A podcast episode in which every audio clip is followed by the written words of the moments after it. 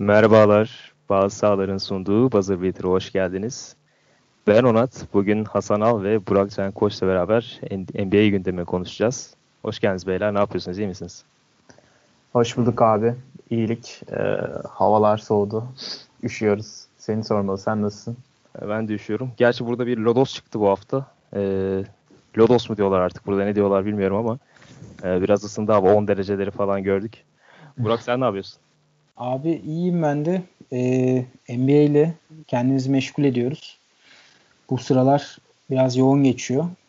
Çok bir olay kopmadı ama NBA'de yine de batıdaki playoff yarışı bayağı keyifli. Ya, Batı'nın playoff yarışı zaten e, her sene bir kitap yazılacak şekilde geçiyor. Ya geçen seneyi de hatırlıyorsunuz zaten. Ya, bu sene de ta, tahminleri allak bullak eden bir sezon geçiyor. Yani biz Clippers'ı konuşacağız birazdan ama geçen e, geçen işte sezon başı değerlendirmesi yaparken 26. sıraya yazmıştık Clippers'ı. Şu an NBA lideri durumundalar Batı Konferansı'nda. E, böyle saçma sapan bir sezon oluyor. E, nasıl geçti Hasan? E, bu ilk 20-25 maçlık bölümde senin ta- tatmin etti mi e, bu NBA sezonu? Yani e, ben zaten e, bu Arok'taki Carlos muydu karakterine de hani şu Aha. kafesin içinde getiriyorlar topu veriyorlar falan ya. Aha. Sezonun başını öyle bekliyordum. Çok özlemiştim yani. Şu ana kadar da gayet güzel gidiyor bence. Bu dediğiniz gibi Batı konferansı biraz e, tat kaçırıcı olmaya başladı ama yani sadece bir takım Phoenix e, çok kötü durumda. Onun dışında 14 takım canavar gibi. Yani güzel bir sezon bizi bekliyor hakikaten. Ya hadi bir de e, geçen hafta yaparken e, şey demiştik. Minnesota'da oradan biraz kopar gibi oldu gibi konuşmuştuk. Onlar da 4 galibiyet üst üste aldı. Bayağı toparladılar durumu ve e, bir anda %50'ye getirdiler derecelerini. E, tekrar yarışa dahil oldular. E, Burak senin için Abi, nasıl geçiyor? Sen bu fantezi işlerinde de bayağı e, meşgulsün. Fantezi ben, podcast'ı da yapıyorsunuz zaten her hafta. Evet abi sayılar kısmında birazcık şeyim ben de. E, oraya göz atma fırsatım oldu. Şu an Houston Rockets'ın batıda sondan birinci olduğunu, Phoenix Suns'tan bir yukarıda olduğunu belirtmek istedim sadece. NBA evet. sezonu ne kadar vahşi geçtiğine dair bir veri olarak önümde yer alıyor bu. Ya bu e, bir düzene oturacaktır ama ya bu böyle devam etmez herhalde. Çünkü ben Houston'a Tabii tabii ben Houston özelinde daha iyi bir sezon bekliyorum ama batıdaki playoff e, yarışı inanılmaz bir sona doğru gidiyor bence. İlk 20 maç bunu gösterdi bize yani. Yani %45 civarında dolaşıyor bu 14 takım. Phoenix haricinde. E, onlar da ligin en kötü takım olmaya doğru gidiyorlar. E, yani şeyde Doğu Konferansı'nda biraz daha e, net dağılmış durumda şeyler. Orada da gerçi yok şöyle bakıyorum da hakikaten burada kopan kopmuş. e, Toronto yani şu an ligin en iyi takımı gibi gözüküyor açıkçası. Ne dersiniz? Yani şimdi Batı konferansında birbirinin topuğuna çok sıkıyor takımlar. Evet. Yani ben e, Toronto'nun birkaç maçını izleme şansım oldu. Bir de e, Toronto genelde erken saatte oynuyor ya maçlarını. Onları tabii daha çok izleme fırsatı oluyor insanların. Türkiye'de, Avrupa'da. Yani e, düzen muhteşem yani yeni koç Nick Nurse orada e, çok müthiş bir düzen oturtmuş. Hiçbir zaman oyun disiplinden kopmuyorlar. E, çok e, geniş bir rotasyonları var. Ve şu an hakikaten e, Milwaukee ile beraber to- doğuda böyle o ilk, ilk iki sırayı onlar alacakmış gibi gözüküyor. Aynen öyle abi ya. Ya bu saat farkından bahsettin. Yani bu Doğu konferansında yer aldığı için bu Detroit, Toronto gibi takımlar onlarla daha çok izliyoruz. Ben baktım geçen en çok Detroit maçı izlemişim ve Detroit maçlarını da izlemeyi hiç sevmem e, yıllardır. Abi Detroit maçı izleyeceğime ben başka şeylerle uğraşmayı yeğliyorum ya. Hayır yani, bir de şey yani Detroit'in sahasında izlemekten nefret ediyorum abi. Seyirci böyle hiç ses çıkmıyor böyle oyuncuları duyuyorsun sahada koçları duyuyorsun. E, atmosfer yok bir şey yok. E, o yüzden iğrenç geliyor. Gerçi onlar da bu sene fena oynamıyorlar. Geçen sene gibi değiller. E, bir ritim tutturdular. Abi size daha kötüsünü söyleyeyim mi? Söyle abi. Buyur. Abi yaklaşık 5 senedir falan e, en çok izlediğim takım Charlotte olabilir ya. Of. yani bu saat mevzusundan dolayı en başta. Yani bence sizin durumunuz iyi yine. Abi şöyle Charlotte'u bu seneye kadar hakikaten e, maçların tekrarlarını bile izlemiyordum. Hani 10 dakikalık özetler oluyor YouTube'da. Onları bile izlemiyordum ben. E, ama bu sene bu, bu 90'ların ortasındaki bu Alonso Mourning'li, e, Larry Johnson'lı e, saha edition'ı ile başladılar ya sezona. Hı hı. Ondan sonra evet, bir çok sanki oldu ya. bende bir Charlotte sempatisi yarattı yani. Ki Charlotte Hornets organizasyonu benim NBA'de en sevmediğim organizasyondur. E, Pelicans'la beraber. Ee, öyle bir sempati besledim. Bu yeni formaları o çizgili mavi, açık mavi çizgili. Bir de bu son bu City Edition formaları yapmışlar ya. O çok hoşuma gitmişti. Retro havayı soluyunca hoşuna gitti yani. Ya ben nostalji adamıyım zaten ya.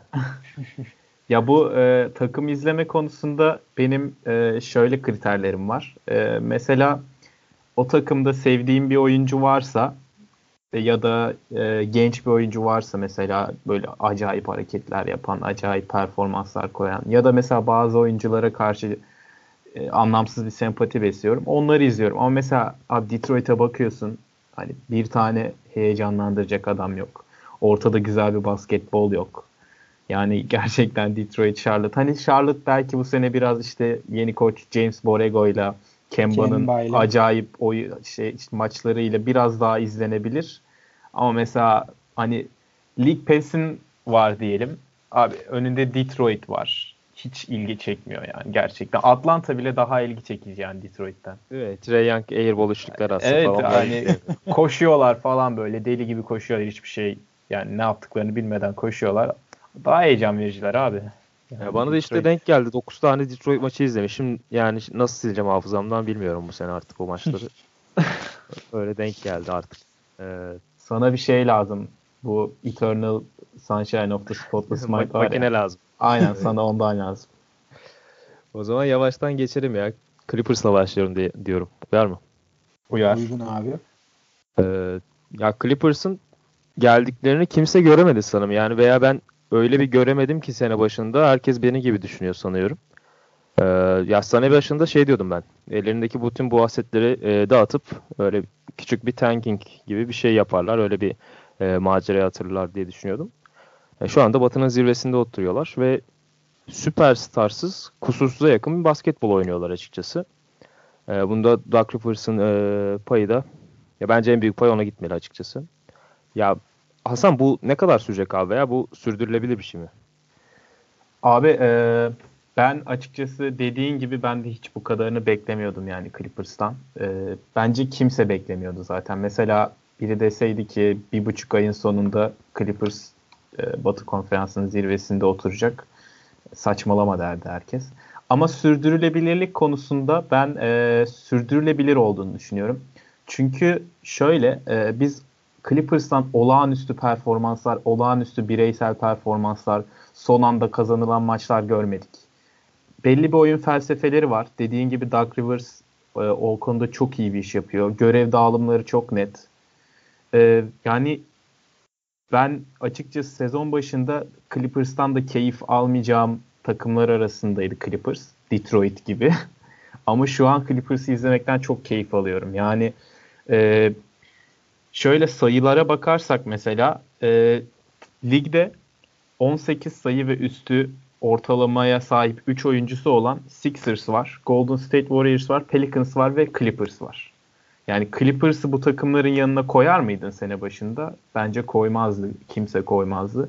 O yüzden ben sürdürülebilir olduğunu düşünüyorum ama birincilik seviyesinde değil. Yani 4, 5, 6 bu sıralardan playoff yapabileceklerini düşünüyorum bu oyunla beraber. Yani playoff potasında kalacaklar ama e, birincilik, ikincilik biraz e, şey bu. Aykut Kocaman'ın vardı ya suni, suni mi diyorsun? Suni olabilir abi bence de. Aha. Ee, Benim... Ya şu, şöyle Burak sana da şöyle bir pas atayım.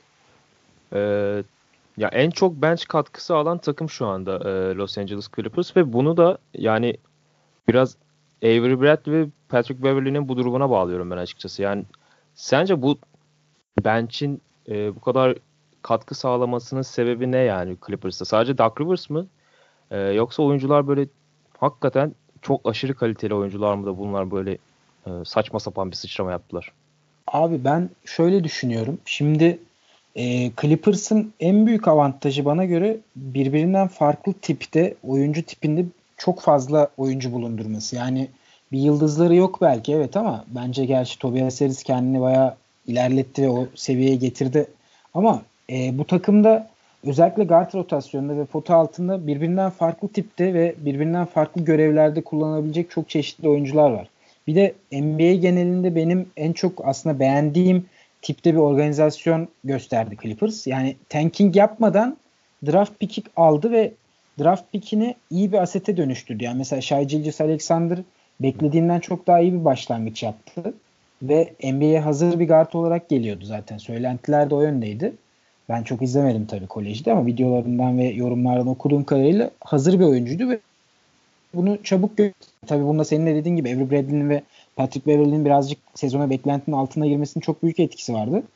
Ee, soruna gelecek olursak abi özellikle pota altında mesela Montrezl Harrell gibi hani bu takımın ruhani lideri, bu takımın Draymond Green'i sayılabilecek bir adamın varlığı ve e, pota altından çok rahat sayı üretebiliyor olması Clippers'a çok büyük bir artı kazandırıyor ve Clippers'a ben istatistiklerine bakmıştım. Clippers offensive rating, defensive rating ve pace'te ligde ilk onda ve bu ciddi bir artı. Yani bu birinci olmalarının en büyük sebebi de bu zaten. Ya yani bu e, kolay kolay NBA'de bir takım e, bu üç istatistikte ilk onda yer alamıyor zaten. Genelde offensive ratingi yüksek olan takımların defensive ratingi biraz düşük oluyor. Ya e, Memphis gibi pace'te son sıralarda yer alabiliyorlar. Ama e, Clippers bu sene farklı bir şey deniyor ve sağlıklı kalmaları özellikle Gallinari'nin e, sağlıklı kalması bence onların e, sezonun açısından önemli bir işaret gösterecek bize gel- gelecek günlerde. Ya inşallah sağlıklı kalır ya. Danilo Gallinari hakikaten Dan onu izlemek e, çok ayrı bir zevk. E, çok estetik oynuyor oyunu. Yani o ya ağır çekimde güzel oynamak hakikaten çok zor zanaat. E, Danilo Gallinari e, sağlıklı kalırsa Clippers'ı güzel yerlere taşıyacak ve Tobias Harris'le de hakikaten çok iyi tamamladılar birbirine. Ben bu kadar beklemiyordum açıkçası. Evet abi bir de zaman zaman Gallinari'yi e, kısa 5'te 5 numara oynatıyor biliyor musun? Yani evet. zaman zaman rakip 5'leri de savunduğu oluyor ve e, Gallinari'den pek beklemezsiniz veya daha önceden buna işaret etmiyordu oyunu ama iyi de savunma yapıyor. Ya Gallinari'nin e, bu sezonki aynen skor katkısı dışında dediğin gibi savunma katkısı da var ve e, hani son 2-3 sezondur Gallinari ölmüş durumdaydı. Ya ben mesela hani NBA'in en kötü kontratları arasında Gallinari'yi okuduğum birkaç yazı hatırlıyorum yani. Çok e, aldığı paranın hakkını veremediği söyleniyordu. Gallinari özelinde. Ya Gallinari Avrupa'dan NBA'ye giderken işte NBA'yi kasıp kavuracak Doncic muamelesi görüyordu yani de Gallinari giderken. İşte sak yaşadığı sakatlık yani iflah olmadı sakatlıkları açıkçası. Son birkaç sene şimdi bakmadım maçlarına ama e, yani son 3-4 senede 50 maçı geçti herhalde bir sezonu falan vardır Gallinari'nin. E, bu sene umarız sağlıklı kalır. Ya Harrell'dan bahsettin. E, Hasan'a şöyle diyeyim. Ya bu sanki savunma yapan bir Farid izliyormuş hissi, hissi veriyor bana. E, Montrezl Harrell.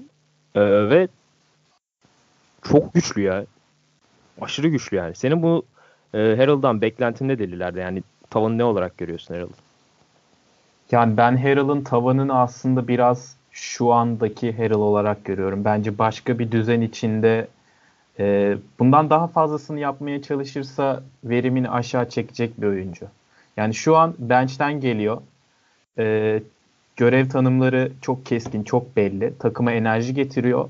Yapabildiği şeyler üzerinden oynuyor. E, kimi zaman 5 numarada kullanılıyor. Ve yani pot altında inanılmaz bir bitirici abi. Yani çok yüzde, yüksek yüzdeyle şut atıyor. Her neredeyse hücum reboundına girmeye çalışıyor. E, ben tavanını Harrell'ın bu olarak görüyorum. Ve şu an e, çok değerli bir parça. Yani ya, sanırım e, bu yaz yeni kontrat almış olmalı yanlış hatırlamıyorsam. E, ve 8-10 milyon dolar civarı bir kontrat. Bence e, bu performansıyla o kontrat e, çok iyi bir kontrat yani şu anda. Kelepir diyorsun yani. Aynen öyle. Fazlasıyla kelepir abi ya. Abi de bu takımın yani e, Lou Williams da tamam fena bir performans ortaya koymuyor. Takım sıkıştığında topu eline alıp e, sorumluluğu alıyor üzerine ama %39 da şut atıyor bu sene. E, ya bu sene ya Lou Williams tamam böyle çok boş şutlar atan, e, temiz şutlar atan bir oyuncu değil. E, hep zor şutları seven, e, penetre üstünden bitirmeye çalışan, e, pick and roll'den çıkıp üçlüye kalkan bir adam. Ama %39'da açıkçası e, yani All-Star tartışmaları yapılan bir oyuncu için e, düşük bir yüzde. Ya bu sene Lou Williams'ın All-Star seçilme ihtimali var mı? Bence yok abi. Batı'nın şu anki durumunda ben mümkün görmüyorum. Ama bu abi, takımdan birinin All-Star seçilmesi lazım. Şu anda Tobias Harris gibi gözüküyor en, e, en yüksek aday. Ama Lou Williams da o geçen seneden getirdi o mirası bence bu sene biraz hak eder duruma getirdi ve e, yanlış hatırlamıyorsam bir iki tane de çok clutch anı vardı Lou Williams'ın bu sene. Evet var zaten kariyerinde onlardan çok var. Ben Lou Williams'ın hani doğuyu geçtim batıda bile All-Star olamayacağını düşünüyorum bu sezon ki performansı. E, geçen sezon yani belki belki yine ben All-Star olmamasının doğru bir karar olduğunu düşünüyorum geçen sezon için ama bu sezonda olamaz. Ee, dediğin gibi Tobias Harris bence şu performansıyla kesinlikle olmalı. Yani 21 sayı 8 rebound gibi bir ortalaması var. Ligin en iyi takımının bir numaralı opsiyonu ve bunları yaparken çok verimli. Yani e, %50'ye yakın sağ içi isabeti %40'ın üzerinde şut atıyor.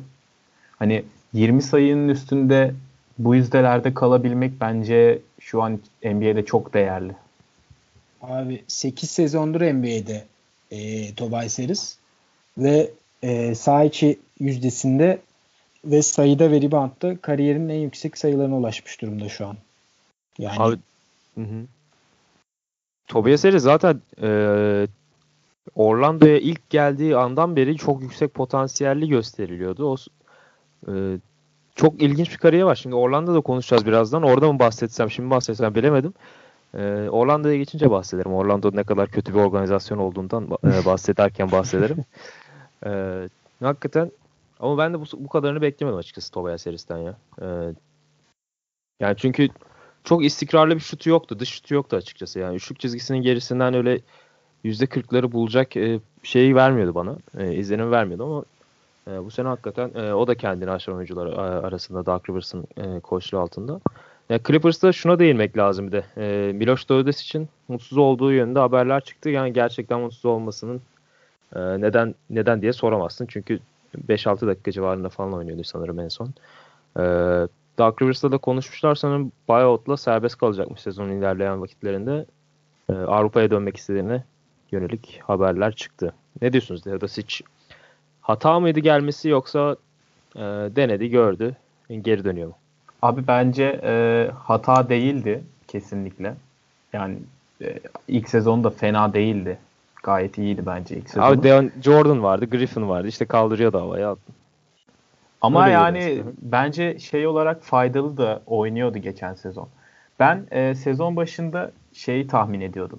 E, şimdi Clippers'ın guard rotasyonuna baktığın zaman Avery Bradley, e, Patrick Beverly, Miloš Teodosic ve Shea Gilgis Alexander. Ben bu e, dörtlüden Shea Gilgis Alexander'ın biraz e, bu üçünün arkasında karıp eleyebileceğini düşünüyordum bench'te ya da işte G League'de vakit geçirebileceğini düşünüyordum ama e, çok iyi girdi. Duck Rivers da e, onun oyununu çok iyi entegre etmeyi başardı. İlk 5 oyuncusu şu anda. 25-30 dakika yakın süre oluyor. Orada e, eriyen Teodosic oldu. E, haklı olarak da oynamak istiyor. Yani şu an kariyerinin zirvesinde bir iki sene daha burada kalıp daha sonrasında düşüşe geçmesini bekleyebiliriz. E, bence hani burada bir rolü yokken, oynamıyorken serbest kalması ya da başka bir yere takaslanması ya da serbest kalıp Avrupa'ya dönmesi onun için çok daha mantıklı olur. Aynen öyle ya. Zaten ama şöyle düşünüyorum. Yani Patrick Beverly performansını yukarı çekmeden Doug Rivers'ın da e, bırakmak isteyeceğini sanmıyorum. Çünkü sadece o zaman Gilles Alexander'a kalıyor e, guard rotasyonu ve e, Patrick Beverly de böyle rezalet durumdayken e, Teodosic'i bırakmak da biraz intihar olur. Var mı ekleyeceğiniz Clippers'a dair? Abi ben Teodosic'e Euroleague'de başarılar diliyorum ya. Ben uzun vadede yani uzun vade derken sezon sonunda Clippers'ta olacağını düşünmüyorum. Hı hı. Ya, ya şöyle... benim hı. Buyur abi. Ah tamam. Ee, benim Clippers'a dair ekleyeceğim son bir şey var. Ee, şimdi bu takım zaten bahsediyoruz az önce de konuştuk. Kimse beklemiyordu bunu. Ama e, bir de şöyle bir nokta var. E, Marcin Gorta'nın kontratı bitiyor bu sezon sonunda. Patrick Beverley'in kontratı bitiyor. Tobias Harris'in kontratı bitiyor. Miloš Teodosic serbest kalıyor. E, ve şeyde e, 2019 yazında büyük bir e, salary cap boşluğu olacak bu takımın ve e, iki maksimum alabiliyorlar evet galiba. iki maksimum alabilecek e, bir boşlukları var ve Kawhi Leonard'la adları çok anılıyor. Hani e, böyle bir avantajların olduğu yazdan önce böyle bir performans gösterip e, free agent'lara şöyle bir şey sunmaları hani bakın gelin biz siz olmadan da böyle iyi oynuyoruz. Kıvayı sen gelirsen bak biz neler yaparız gibi bir şey sunuyor olmaları da bence çok önemli. Yani önümüzdeki sezonun, önümüzdeki 2-3 sezonun iyi ekiplerinden biri olabilirler. Bu kadroyu koruyup e, işte Kıvayı ayarında bir yıldız katabilirlerse 2019 yazında. Abi bu konuda bugün Doug Rivers'ın bir yazısı vardı onu okudum. E, Doug Rivers da benzer bir şeyden bahsetti aslında.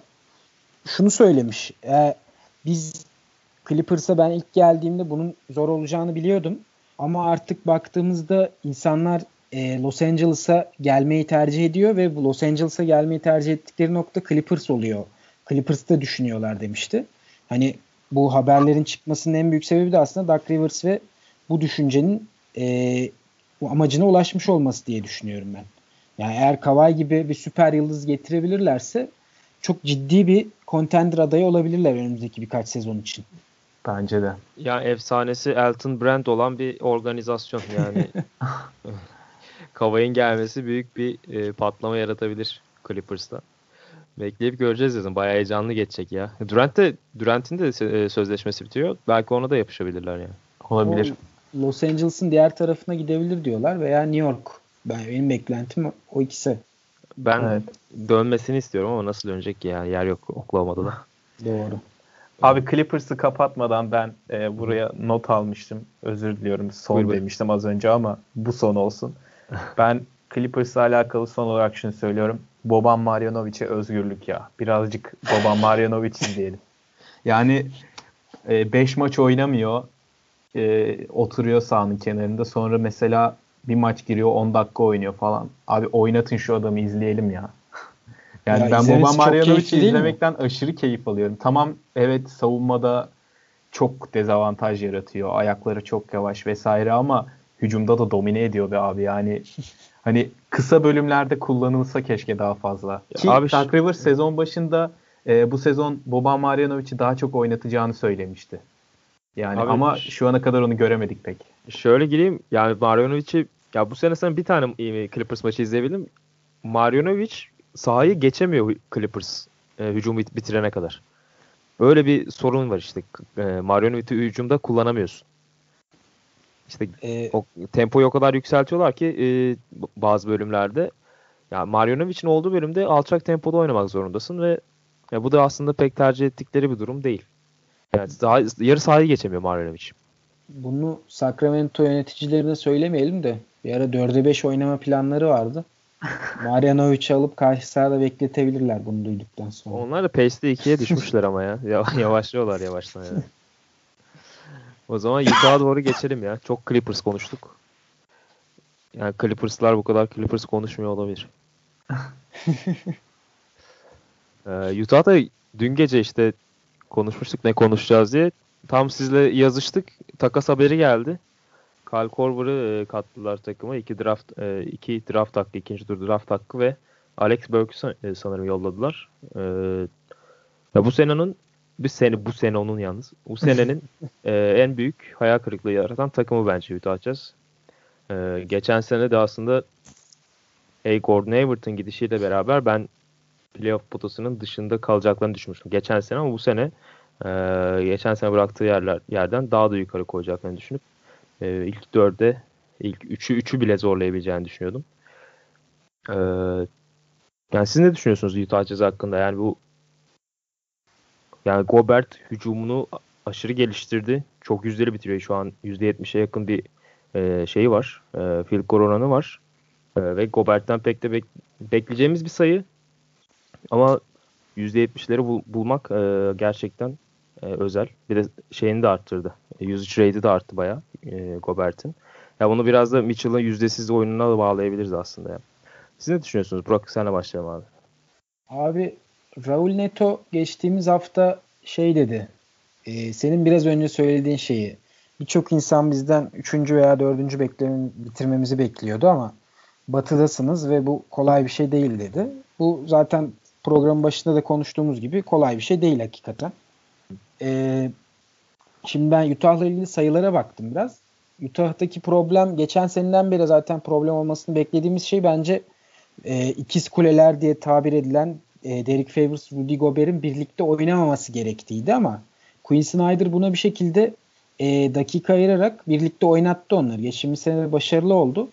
Bu sene de bu yapıyla girmeye devam ettiler ama birkaç maç önce galiba 4 maç öncesinde e, Utah hani artık kötü gidişe dur demek için bir noktada Favors'ı bench'e çekmeye ve Jay Crowder'ı e, ilk 5 başlatmaya başladı. Bunun sebebi de e, Favors'ın net ratingde takımın en kötüsü olması.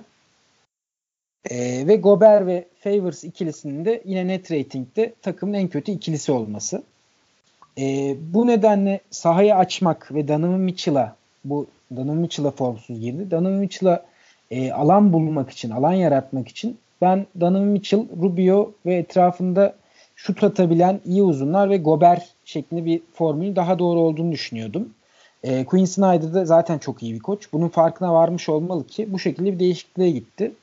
E, ben önümüzdeki dönemde Utah'ın daha iyiye gitmesini bekliyorum ama geçtiğimiz seneki kadar iyi kapatabilirler mi? Ondan emin değilim. Batı'nın kızışmış durumu beni bu konuda en çok şüpheye düşürüyor. Bir de geçtiğimiz sezonda aslında buna yakın başlamışlardı hatırlarsanız.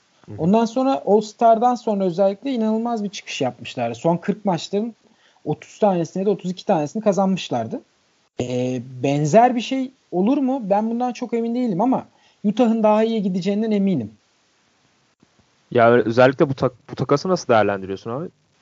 Abi bu takas e, bence sahaya açma açısından çok önemli ve Kyle Korver gibi aslında rolü çok e, special yani özel bir adam için e, çok doğru bir seçim bence Utah. Korver da zaten e, Utah'tan ayrıldıktan sonraki en düşük e, üçlük denemesini ve dakikalarını alıyormuş yıllıkta.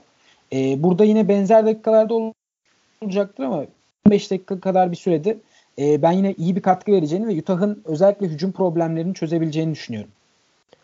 E, Corver da yuvaya döndü böylelikle. Güzel dedim. Corver Bird. Corver Bird diye geçiyor ya çok tatlı ya onu çok seviyorum böyle. ya e, Hasan Mitchell geçen sene öyle bir noktada bıraktı ki performansını abi ya hepimiz şey dedik yani yeni Wade şut atan Wade geldi artık e, önünü alamayacağız ama o geçen seneki o en iyi 3 çaylağın bu sene e, sezona gir, girdiği şey halini düşünürsek e, Mitchell da belki de onların başını çekiyor e, özellikle yüzde olarak. Gerçi Tatum daha kötü diyebilirsiniz ama e, niye bu kadar kötü başladı abi Mitchell? Yani sistemsel olarak da hiçbir değişiklik yok takımda. Koç değişimi olmadı. E, ilk 5 değişimi olmadı. E, niye %28'de atıyor Mitchell? Abi e, Mitchell'ın %28'le atıyor olması Burak'ın da bahsettiği gibi bence en çok e, Derek Favors Gobert ikilisinin beraber oynamasına bağlıydı. Yani o alanı açamıyorlar. Ve bir de bence şöyle bir durum vardı. Şimdi Mitchell e, 13. sıradan seçilmiş bir oyuncu. E, tamam iyi bir oyuncu olduğunu herkes biliyordu ama hani kimse Mitchell gelecek ilk sezonda 20 sayı atacak. E, doğu'da dördüncü olan takımın bir numaralı skor opsiyonu olacak ve takımını konferans yarı finaline taşıyacak diyemezdi. Yani bu tamamen sezonun sürpriziydi ve savunmalar da buna hazırlıksızdı bence. Şimdi artık Mitchell biliyor. Herkes Mitchell'ın farkında ve savunmalar buna biraz daha hazırlıklı. Bu da bir faktör bence.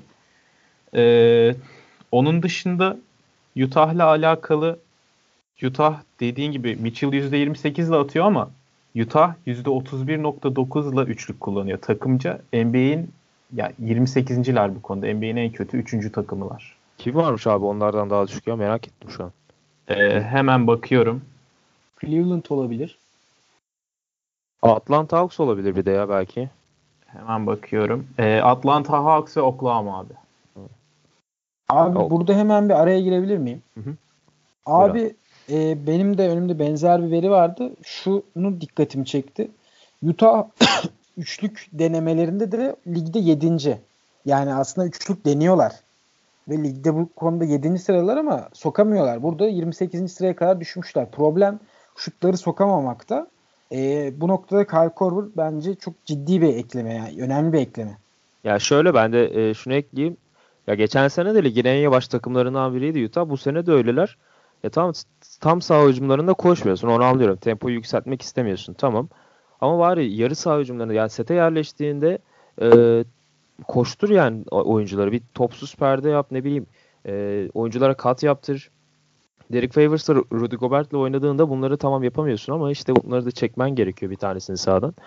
Ee, yani Kyle Korver'ın gelmesi e, hücum setlerinde de hareketlik kazandıracak biraz. Tamam belki yine e, tam sahada koşmayacaklar yine belki bilemiyorum. Quinn Snyder'ın sistemi nasıl olacak e, onu ta- tahmin etmek zor. E, ama e, set hücumlarında e, daha hareketli bir Utah izleyeceğimiz kesin yani burada. Ee, ben bir de Utah özelinde şunu eklemek istiyorum. Utah geçen sezon ligin en iyi savunma takımıydı. Defensive rating'de birincilerdi. Ee, yanlış hatırlamıyorsam e, rakip takımlar Utah'a karşı en düşük yüzdeyle şut kullanıyorlardı vesaire ve hakikaten savunma temelli bir oyunları vardı. Rakibi savunmada boğup dediğiniz gibi tempoyu düşürüp hücumda bir şekilde buluyorlardı ki e, geçen sezon Joe Ingles çılgın gibi üçlük atıyordu. Yani %45'lerdeydi bir ara. Maç başına 3 isabet falan buluyordu. Sezonun ikinci yarısında Ricky Rubio %40'a yakın üçlük atmıştı ki Rubio kariyerinde %40'la ikilik atmış bir adam bile değil yani. Hani ekstrem olaylar olmuştu orada. Ama bu sezon bakıyorsun o savunma kimliği e, aynı seviyede değil. Şu an Utah Defensive Rating'de e, lig 13.sü. E, yani senin elit bir hücumun olmadan e, sen ligin orta seviye savunma takımlarından birisi olursan zaten Batı konferansında çiğ çiğ yiyorlar. Bu Utah'ta da bunu görüyoruz. Ya ben de Burak gibi e, daha iyi olacaklarını düşünüyorum sezonun ilerleyen bölümlerinde. Ama e, şunu da eklemem lazım. Dün gece Brooklyn'le oynadı Utah ve yine Favors Gobert ikisi, ikilisiyle başladı Quinn Snyder. Yani e, ne orada Jay Crowder mı başlayacak, Favors mı başlayacak bu şu an bence belirsiz ve Corver'ın gelişiyle biraz orada bir değişiklik olabilir.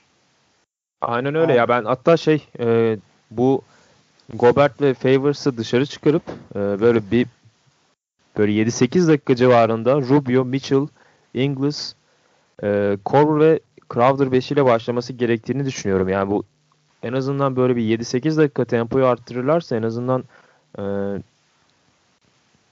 ya skor üretmeye başlayacaklardır ya. Tamam yine belki savunmayı e, bir yerden sonra ezber, ezberlerine döneceklerdir ama e, tempoyu arttırmadan hücumlarının çok artacağını da düşünmüyorum açıkçası. E, yani... Katılıyorum abi. Ben ligin bir de şu an tempo konusunda, pace konusunda ne seviyeye geldiğini düşünürsek Utah'ın yavaşlamasının bence hiçbir mantıklı açıklaması olamaz ya. Abi saçma yani sapan bir tempo var. Midem bulanıyor benim bazen zorunluluk. izlerken. Ya. Abi e, Utah özelinde bir de ben şunu söyleyeyim. Ricky Rubio ile alakalı daha doğrusu Utah değil de Ricky Rubio özelinde. Ben e, Ricky Rubio ilk bu basketbol sahnesine çıktığından beri Rubio'nun en büyük hayranlarından biriyim. Böyle şeyi hatırlıyorum. 2008 Slam... Dünya Şampiyonu 2008 olimpiyatlarında mı çıkmıştı ya? 2010 yok. 2006 civarında çıktı işte Hı-hı. bu 14 yaşında falan profesyonel oluyor zaten Juventus Badalona'da. Ee, o zamanlar Slam dergisi vardı. Slam dergisinde e, Rubio'nun çılgın bir Avrupa şampiyonusu var İspanya'yla böyle triple double ortalamalarıyla falan bitirdiği. Onu geçtim 16 yaşında Juventus Badalona'da profesyonel oldu. Bir yazı çıktı Rubio ile alakalı. Ben de işte videolarını falan izliyorum Rubio'nun acayip bir hayranlık oldu bende. İşte posterlerini falan odama asıyorum bilmem ne. Ama ben dün de izledim abi Brooklyn Utah maçında.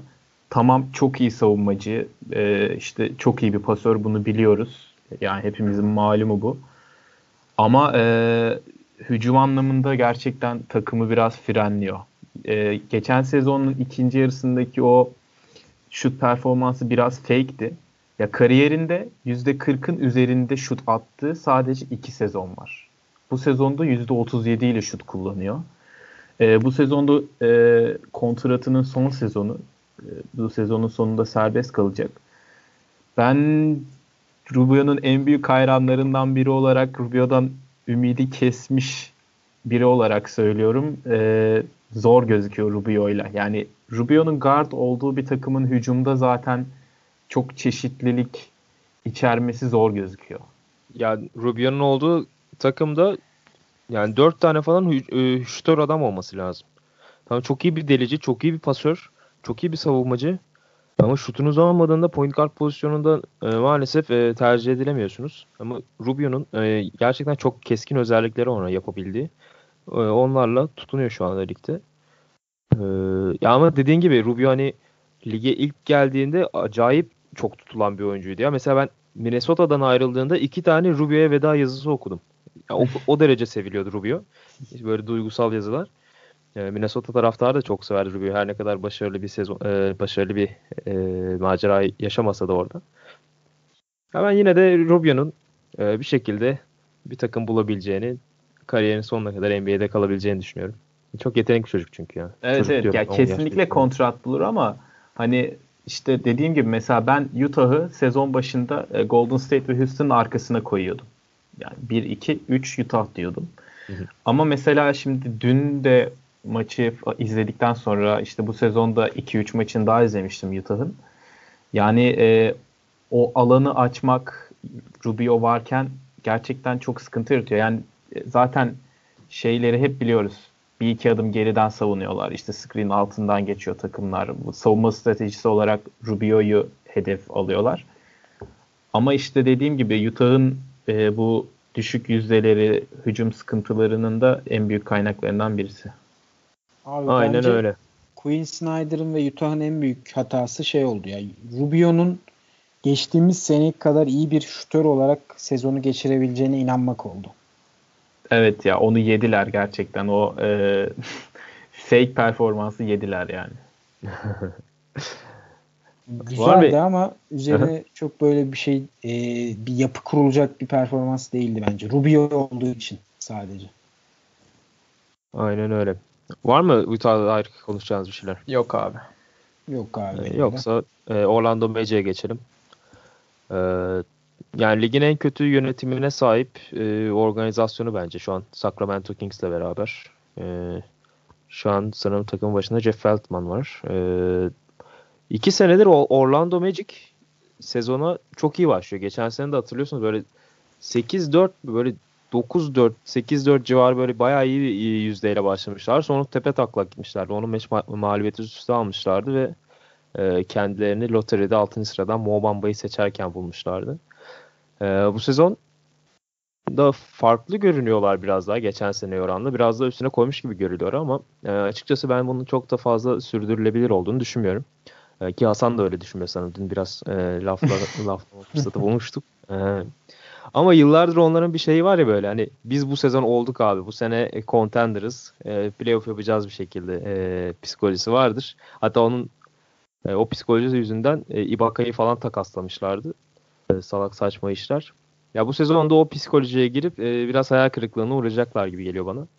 E, Burak e, nasıl görüyorsun Orlando'nun bu şu an sanırım 9-8'ler yok 10'a 12'ler veya e, yanlış hatırlamıyorsam. Şöyle bakıyorum. Abi 10-12 olması lazım ama ben de biraz önce 10-12 evet, abi aynen. Evet. Aynen 10-12. e, bu bantta devam ederler mi yoksa e, aşağı mı yukarı mı gidecekler? Abi ben biraz daha farklı düşünüyorum. Yani biraz daha yarışın içinde kalabileceklerine inanıyorum. Bunun sebeplerinden birisi tabii ki Vucevic'in inanılmaz performansı. Bunun en önemli sebebi de Vucevic'in kontrat yılında e, olması. E, yanlış hatırlamıyorum değil mi? Şu an emin olamadım ama. Ben de öyle hatırlıyorum ya. Bakmadım ama öyle. Kontrat yılında diye biliyorum ben. Neyse. E, ikinci sebebi de şey. E, bu koçun Steve Clifford'ın e, aslında tam e, bu tip Orlando gibi. Evet kontrat yılındaymış bu arada Vucevic. Orlando Nikola gibi. Vucevic yazmaya başlayınca kontrat çıkıyor böyle şeyler. Google'da tahmin olarak. Ve e, Charlotte gibi hani orta sıra takımlarda e, barındırılabilecek bir iyi bir koç olduğunu düşünüyorum. Daha üst seviyede çok başarılı olacağını inanmıyorum. Bunun sebebi de abi e, Clifford oyuncuların neyi yapıp yapamayacağını iyi bilen biri ve maceraya girmeden onlardan performansını almanın peşinde olan bir koç. E, bu e, en önemli şeyi şurada görüyoruz. Bu geçtiğimiz gün Golden State'te yakın geçen maç sonunda yenildi Orlando. E, skoru şimdi hatırlamıyorum da ondan sonra 17 yani normal... sayı falan da öndeydiler o maç. Ha, Durant, ha. Durant ile Clay'in 70 küsür sayı attığı ha, maç işte, değil mi? A- aynen abi o maç. Durant ile Clay'in çıldırdığı maç. Abi o maçtan sonra şey dedi. Yani normalde Orlando gibi bir takım organizasyon böyle bir maçı kaybettiği zaman hani şey olur ya sağlık olsun. Hani zaten Golden State'i yenemezdik gibi bir düşünceye girer ya bu takımlar.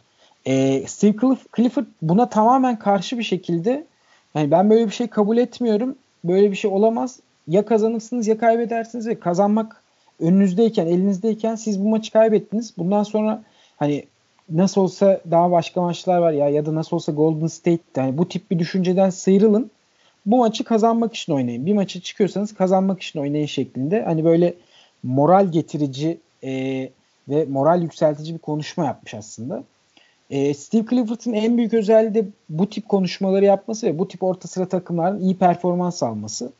Bence Orlando önümüzdeki günlerde, e, önümüzdeki aylarda benzer seviyede olabilir. Yani bir anda dibe batacaklarını düşünmüyorum ama bat, e, Doğu'nun playoff takvimi içerisinde kalmalarını ben hani e, çok mümkün görmüyorum ama yarışın içinde yak, yani Mart'a kadar falan yarışın içinde kalmalarını da olası görüyorum. Bu nedenle de zaten Vucevic'i veya başka birini takaslamama ihtimalleri daha yüksek. Yani kadroyu dağıtmama ihtimallerini daha yüksek görüyorum.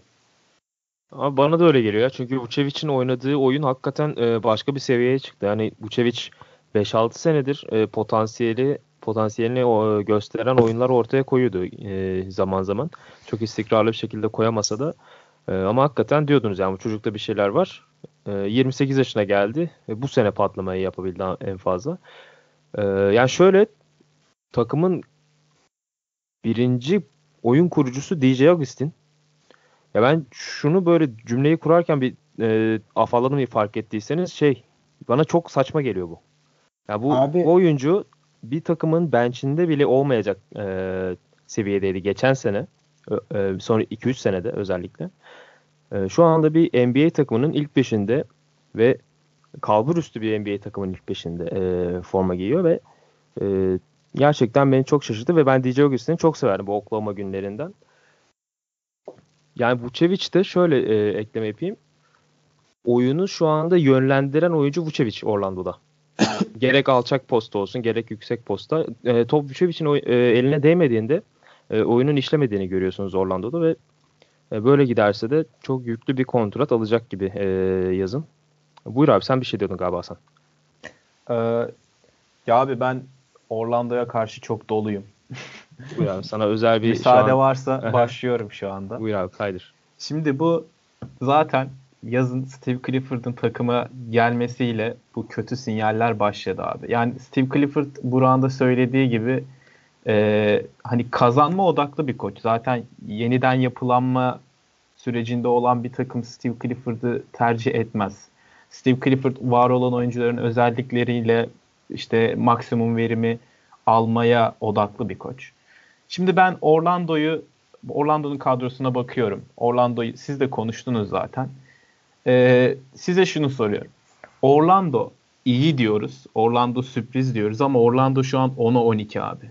10'a 12 yapmış bir Orlando'ya iyi diyoruz ki bu takımın ne kadar aslında kötü olduğunu gösteriyor bize. Abi Şimdi şunu ekleyeyim elinde... sana bak hemen lafını bölmeden Utah da kötü dedik onlar da 10'a 12 yani. Yani evet abi işte hani ya, bu bile birçok şeyi açıklıyor. da iyi abi. Ama abi Yoksa... işte ben şunu anlamıyorum. Şimdi e, Mo Bamba abi 10 yılda 15 yılda bir gelebilecek bir oyuncu. Yani sen elinde Mo Bamba var. E, bu adam maç başına 17 dakika süre alıyor. Bench'te eritiyorsun Mo Bamba'yı. 2-3 maç kazandılar diye bunu e, playoff yapacakları, e, iddialı oldukları bir sezon zannediyorlar. Böyle bir yanılgının içindeler bence. Yani NBA'de e, bence olunabilecek en kötü nokta bir takım, bir organizasyon açısından e, ne playoff yapabilecek kadar iyi olmak ne de e, iyi bir draft seçimi alabilecek kadar kötü olmak. Yıllarca mesela Charlotte bu durumdaydı. İşte 9'da kaldılar, 10'da kaldılar. İşte 13. sıradan seçtiler, 12'den seçtiler bilmem ne falan filan. Yani abi sen e, bir yön belirlemelisin kendine. Şimdi mesela Aaron Gordon 4 senelik kontrat imzaladı bu yaz. Bence çok iyi bir oyuncu. E, Aaron Gordon Jonathan Isaac ve Mo Bamba çekirdeği etrafında bir takım kurmalısın ve bunun üzerine yapılanmalısın. Ama şimdi e, maç kazandıkları için Mo Bamba az süre alıyor. Jonathan Isaac az süre alıyor. E, bilmiyorum ben bunun sürdürülebilir olduğunu düşünmüyorum. Yanlış bir yol içinde olduklarını düşünüyorum. E, mesela şu an Vucevic hakikaten All-Star performans sergiliyor. Yani olağanüstü oynuyor. Vucevic şu an çok değerliyken mesela takaslansa çok daha mantıklı olmaz mı? Örnek veriyorum bir tane birinci tur draft hakkı ya da işte e, kalabalık rotasyonda kaybolmuş genç oyunculardan falan birkaç tane alabilsen Vucevic'i takaslasan. Yani ben Orlando'nun e, şu an kazanma sezonu yanılgısı içinde olduğunu düşünüyorum. Abi bu takım playoff yapsa 6'dan yukarıya çıkabilir mi Doğu'da? Bence çıkamaz. İmkansız. Yani o yüzden ben bu sezonu hani bir kazanma sezonu olarak görmemeleri gerektiğini düşünüyorum ve Orlando yönetimine de Steve Clifford'a da Mo Bamba'yı oynatmadıkları için doluyum. Boban Marjanovic'e özgürlük olduğu gibi Mo Bamba'ya da özgürlük istiyorum ben bu konuda. Abi o da çok zayıf ama ya biraz yemek yesin yani. Abi yesin de yani oynasın. At abi aslanların arasına. Hani tecrübe kazansın ya. Doğru diyorsun. Ya şöyle Vucevic'i takaslamaktan bahsettin. Vucevic her ne kadar bu sene acayip All-Star seviyesinde performans ortaya koysa da abi ya bir takım Vucevic'i alıp abi gel abi sen bizim takımımızın ana parçası ol. Bu seviyede performansına devam et diyebilir mi? Ben orada biraz soru işaretine e, soru işaretleri belirliyor yani kafamda. Bence diyemez ama Vucevic mesela çok iyi bir ikinci ya da üçüncü opsiyon olmaz mı? Yani harika bir mesela üçüncü opsiyon olur bence. Abi benim Olabilir. düşünceme göre Vucevic'e kimse birinci tur piki vermez. Hele de sezon sonu kontratı biteceği için. Ya evet tabii ki öyle ama mesela hani Vucevic'den örnek veriyorum e, sen bizim gelecek planlarımızın içerisindesin falan tarzı bir anlaşma yapılıp mesela Jimmy Butler'da olduğu gibi. Jimmy Butler'ın da bu sezon kontratı bitiyor ama Philadelphia onun için takas yaptı. Çünkü uzun vadede e, Jimmy Butler'ın e, yeni sözleşme imzalayacağının bir garantisini almış olmadılar. Yani bu ben tarz bir güvenmiyorum ya. Bu tarz bir şeyden bahsediyorum. Ya bence zaten Orlando alabileceği ne varsa alıp elden çıkarmalı Vucevic'i yani. Hem Mo Bamba'ya yer açmak için hem de abi Vucevic'le yeniden sözleşmeyi uzatsan ne olacak ya? Yani Değil mi? Evet. Yani şu an e, şöyle e, hadi bir iyi bir kısa buldun. Atıyorum Oladipo'yu tekrar bu takıma getir hayali bir şekilde. Yani topu Vucevic'e vermeden Vucevic'i memnun edemiyorsun bir şekilde. Hiçbir şekilde.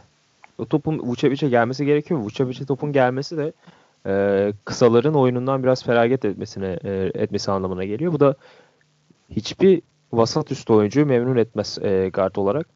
Ya şöyle diyeceğim. Ya bu organizasyon için e, bu hamle aslında beni çok da şaşırtmadı. Ya bu Tobias serisinden bahsedeceğim demiştim ya. İsterseniz onu bir anlatayım abi.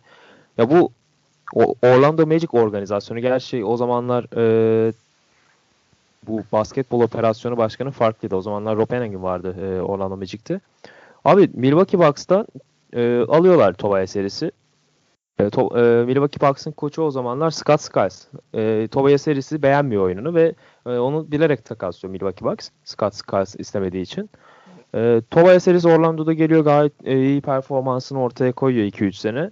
2 sene sonra koç olarak koç olarak Scott Skiles'ı getiriyor ve ertesi, ertesi sene Scott Skiles e, Tobias serisi takas ediyor abi. Abi ondan sonra gidiyorsun Oladipo'ya e, Sergi Baka'yı veriyorsun. Sonra Sergi Baka'dan gidiyorsun Terence Ross'u alıyorsun. Sonra ne bileyim Darius Leric'i gidiyorsun e, Alfred Payton'la takas ediyorsun. Ee, Abi, felaket yönetilen şey bir organizasyon. Ya yani 2010'dan beri zaten yanlış hatırlamıyorsam playoff yapamıyorlar. Yok, 2012 abi şey bu Dwight Howard'ın işte o takaslandığı sezon 2012'de yapıyorlar en son. Ee, ondan sonra da bir daha e, playoff'un yakınına bile yaklaşamadılar. Yani en fazla ya 35 galibiyet almışlar. gerçekten. Şey değil mi? Bir kulüp nasıl yönetilmezin göstergesi. Aynen yani. Bir de şey yazıyormuş. Orlando Magic'in e, kulüp binasının girişinde e, yönetim odasında şey yazıyormuş abi. 2 metrenin altında hiçbir oyuncuyu draft etme şeklinde bir şey yazıyormuş. İşte DJ Augustin'e kalırsın o zaman da. Yani abi bunlar takas ettiler onu da Sarıç'a verdiler zaten. Yok pardon abi, tersini yaptılar. Sarıçı ettiler. yani işte adamlar yine guard Etmemek. draft etmiyor. Aynen. Ya saçma sapan bir şey var işte. Ama ya DJ August'i ben çok severdim eskiden. Yani bu performansı beni biraz açıkçası mutlu etti. Ee, seviyorum o kısa yere yakın oyuncuları. Evet evet bayağı iyi oynuyor ya. Yani ben hiç bu kadar beklemiyordum. İşte 44 üçlük atıyor. Yani yine fena bir şutör değil hiçbir zaman. İyiydi ya. E, her zaman vasat üstüydü. E, bunun yanına 5 asistini ekledi. E, gayet e, şey gözüküyor. E, kendini güvenli gözüküyor ve gerçekten e, iyi performans ortaya koydu. Go Aaron Gordon hakkında ne düşünüyorsunuz ya? Ben biraz şey diyorum. Yeteneksiz, daha az yetenekli Blake Griffin izlenimi yaratıyor bende abi. Hasan sen de öyle düşünüyor musun abi? Yoksa farklı bir oyuncu mu? Abi ben valla Aaron Gordon'ın çok iyi bir oyuncu olduğunu düşünüyorum. Ki mesela lige ilk girdiği senede işte 4 numara olarak şey yapılıyordu ve bu e, değişen basketbolun bugün tırnak içerisinde modern basketbol dediğimiz oyundan en çok faydalanan oyuncu tipi zaten Aaron Gordon. Hani 3 mü 4 mü belli değil. Hatta şimdi 5 mi tartışmalar. Ha, evet yani şu an işte o kanattaki iki pozisyonda oynayabiliyor. Kısa beşlerde 5 beş numara oynuyor. Yani %36 ile üçlük atıyor ki maç başına 4 tane üçlük deneyerek %36 ile atıyor. Bu bence standart üstü bir yüzde kabul edilebilir yüzde. Ben e, özellikle bu sene imzaladığı kontratla e, yine onu kelepir sınıfına koyarım. Ya, yanılmıyorsam 4 sene 80 milyon dolarlık bir kontrat imzaladı. Ki Aaron Gordon hala daha çok genç yani 23 yaşında falan olmalı.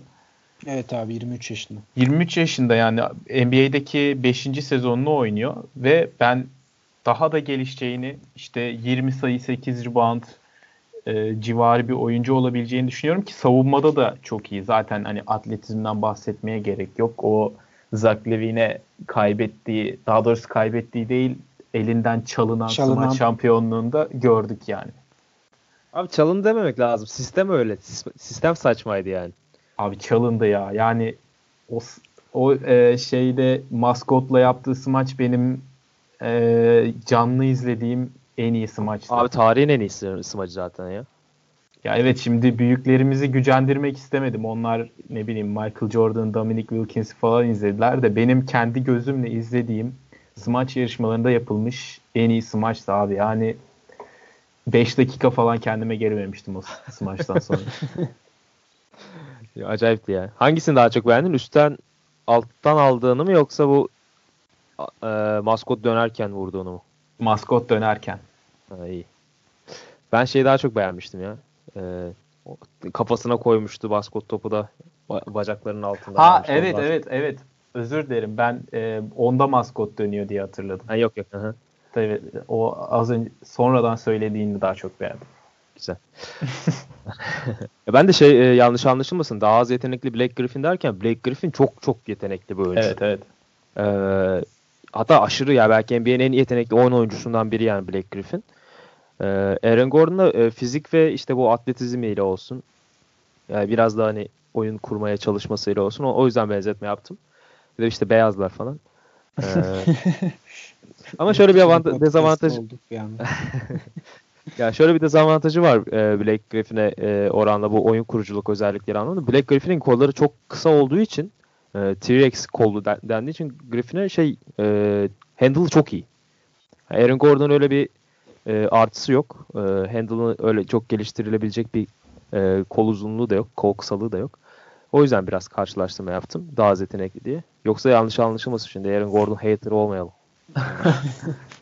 yok ya ben Aaron Gordon benim favori oyuncularım arasında ki hani lige geldiğinden beri top hakimiyetini de çok geliştirdi.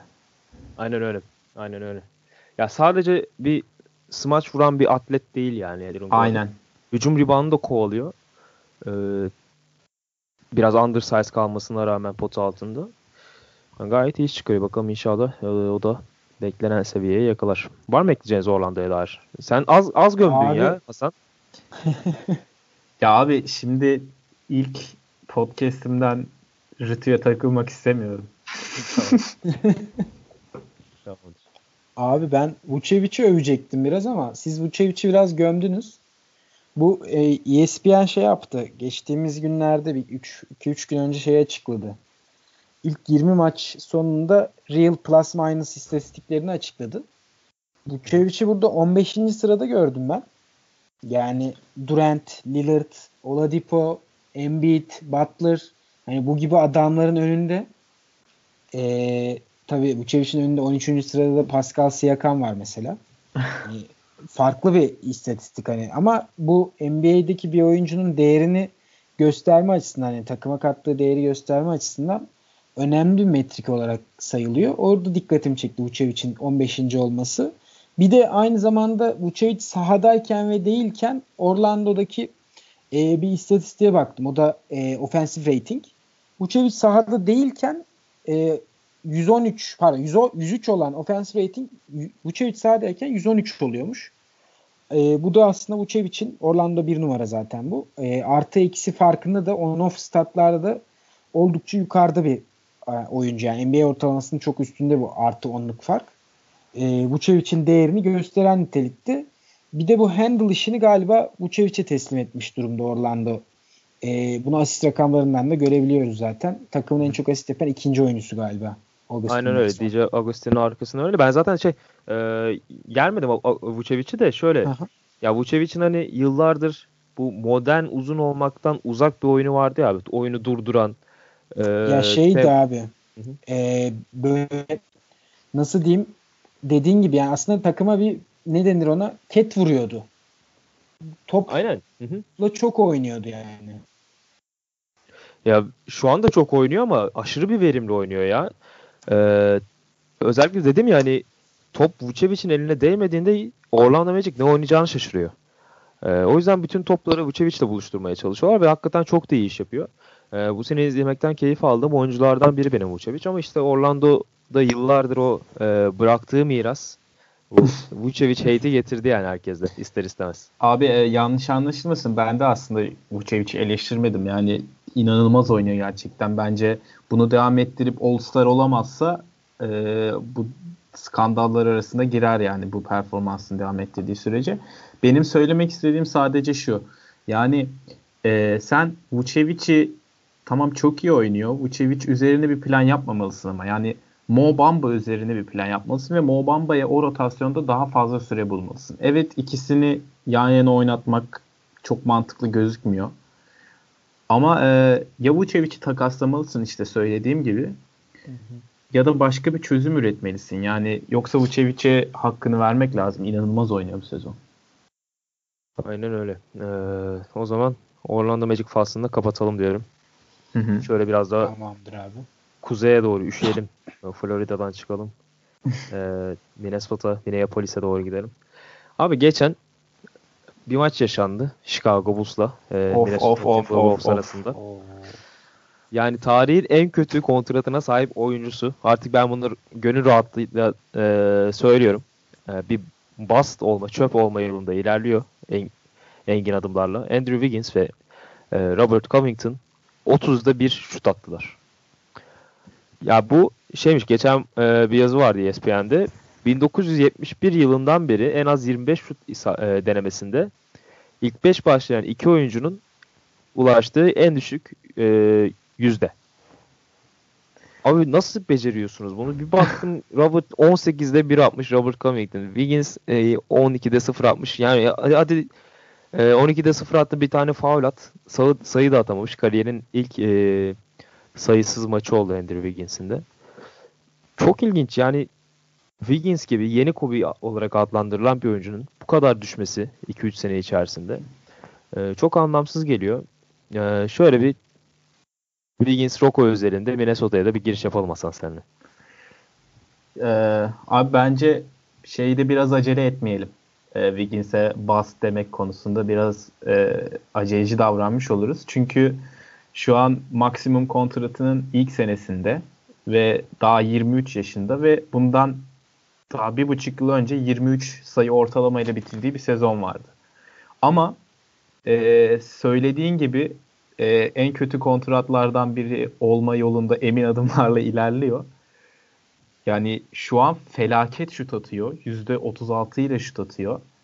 E, berbat bir maç oynadı ve ben Minnesota'nın 4 ya da 5 maçını izledim bu sezon. İki maçta şunu dediğimi hatırlıyorum kendi kendime. Aa Wiggins de oyunda mıymış? Yani o kadar sinik ki e, savunmada zaten hiçbir zaman beklenen savunmacı olmadı. O atletik yeteneklerini savunma tarafına oyunun transfer edemedi.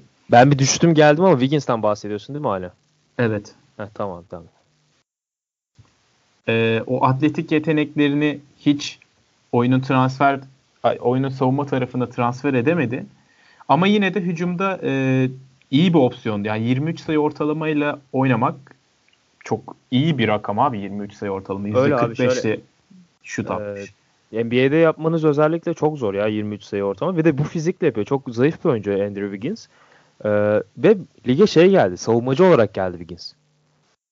Hakikaten e, çift yönlü bir oyuncu olarak geldi. İlk sezonun sezonunda e, ya o zamanlar Minnesota maçlarını çok fazla izlememişim açıkçası. Yani Wiggins'in savunmacı özelliğiyle ilgili çok fazla yorum yapamayacağım ama NBA 2K'da gayet iyi, iyi bir savunmacıydı. Ben e, takımlarımı alırdım Andrew Wiggins'i. E, lige hakikaten çok iyi bir savunmacı olarak girmişti. Sonradan bu özelliklerini kaybetti ve kilo alamadı. Evet. Abi bir de şöyle ilginç bir nokta var. Ee, NBA istatistiklerinde benim en sevdiğim istatistiklerden bir tanesi bu win shares var. Aha. Oyuncuların e, takımlarının e, galibiyetlerinde ne kadar e, pay sahibi olduğunu matematiksel bir hesapla söyleyen bir istatistik. Chris Paul'un e, zirveye oynadığı istatistik. Evet abi Aynen. Andrew Wiggins bu sezon şu ana kadar eksi 0.1 win share'la oynuyor. Yani bu demek ki e, oynamıyor. Andrew Wiggins takımının e, aldığı galibiyetlerde hiç payı olmadığı gibi takımına eksi yazıyor. Gal mağlubiyetlerde payı var. Yani bu yani, felaket bir istatistik. Kendi potasına basket atıyor diyebilir miyiz? Kesinlikle yani bu o anlamı geliyor. Abi Ve süpermiş ya bu. Şu da çok acayip. Chicago Bulls'a karşı oynandı dediğin e, vahim maç. Chicago Bulls NBA'in en kötü savunma takımlarından bir tanesi abi. E, defensive rating de 22. sıradalar ve Jabari Parker falan var. Yani Jabari Parker'ı 55 yaşındaki amcalar falan muhtemelen birebir de geçer. Ya hani... işte bir de 22 biraz yanıltıcı abi. Onlar ligin sonunda 29, 28, 30 o banda gelecekler. Çok kötü savunmaları çünkü. Evet yani Wiggins gerçekten çok çok kötü sinyaller veriyor.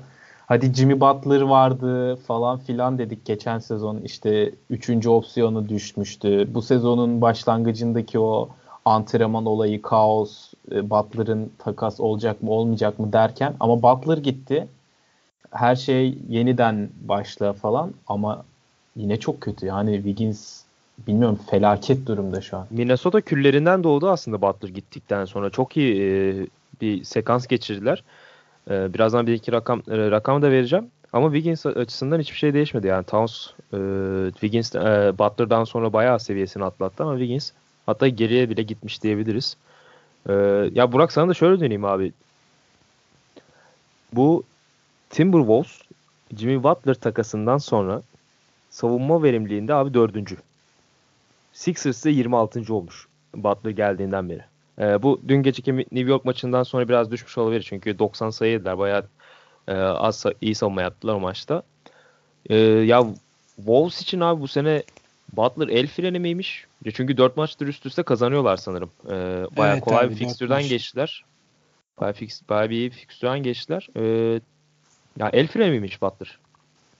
Abi şimdi Jim Butler'a el freni desek gelir bizi evimizden alır tek tek maç yaptırır yani. Şimdi öyle Abi Sixers da 26. ama yani Butler gittiğinden beri. Ağır ithamlarda bulunmak istemem ama Jim Butler'a karşı. Ee, bu tabii yani saha dışı sorunlar özelinde tabii ki bir el freni durumu vardı. Bunu hani yatsınamaz bir gerçek bu. Ee, bir de tabii bence Minnesota'nın Butler'ın gidişinden sonra daha dengeli bir takıma dönmesi özellikle savunma açısından e, önemli bir artı yazdı bu istatistik konusunda. Evet, çünkü Robert Covington'da Dario Saric de aslında iyi savunmacılar ikisi de. NBA'in modern e, basketboluna uyum sağlayabilecek bir ikili. E, Robert Covington'ın geçtiğimiz senelerden kalma güzel bir açıklaması var bu arada bu şut e, durumuyla alakalı olarak. Ben hani her zaman aynı mentalitedenim. Onda, onda sıfır atsam da 11.yi atarım. Abi en sevmediğim dönerim. mentalite ya. Kemba Walker diyordu iki sene önce onu. Yani bu mentalite hani şeye göre değişiyor tabii ki. Herkesin tercihine göre değişiyor ama e, aslında Minnesota özelinde Wiggins'in, Teague'in, Rose'un hani alana gerçi Rose bu sene fena oynamıyor da üçlük Rose konusunda. bu sene çok iyi oynuyor çok ya. iyi oynuyor. Üçlük M- yüzdesinde dördüncü. E, MVP sezonundan daha iyiymiş istatistikleri biliyor musunuz? Şey yüzde olarak mı? Verimlilik yüzde olarak. yüzde ve verimlilik olarak abi. Aha, doğrudur abi. Yüzde, yüzde 48 üçlük atıyor ya. İnan, inanamazsın. MVP sezonu yüzde 36 ile atıyordu diye hatırlıyorum ben. Yani konuya dönecek olursak abi tekrar Covington ve Şaric'in varlığı bence Minnesota'nın e, NBA'ye uyum açısından daha doğru bir e, ikili yani daha doğru bir kanat rotasyonuna sahip olmasına sebep oldu.